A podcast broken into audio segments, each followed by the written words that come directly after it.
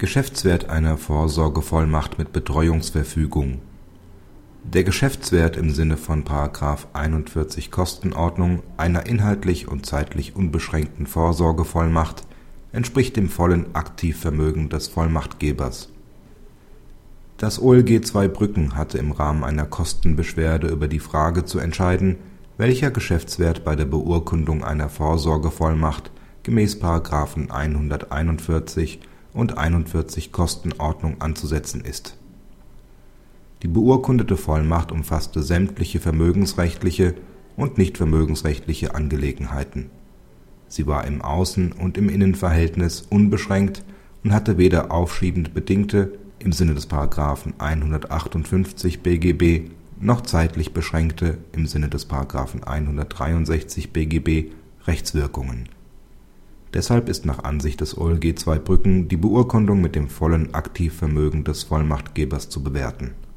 Ein Abschlag aufgrund des Umstands, dass der Vollmachtgeber eine Ausfertigung zu dessen Händen beantragt hat, um sie dem Bevollmächtigten zu gegebener Zeit, eventuell verbunden mit bestimmten Anweisungen, auszuhändigen, ist nach Auffassung des Senats nicht gerechtfertigt.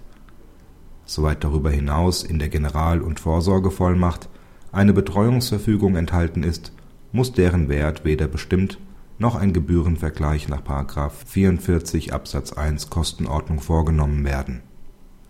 Zwischen der Vorsorgevollmacht und der Betreuungsverfügung besteht hier ein so unmittelbarer Zusammenhang, dass die Vollmacht die Betreuungsverfügung verdrängt. Praxishinweis Gemäß § 141 und 41 Absatz 4 Kostenordnung darf der Geschäftswert einer Vollmacht höchstens mit 500.000 Euro angesetzt werden.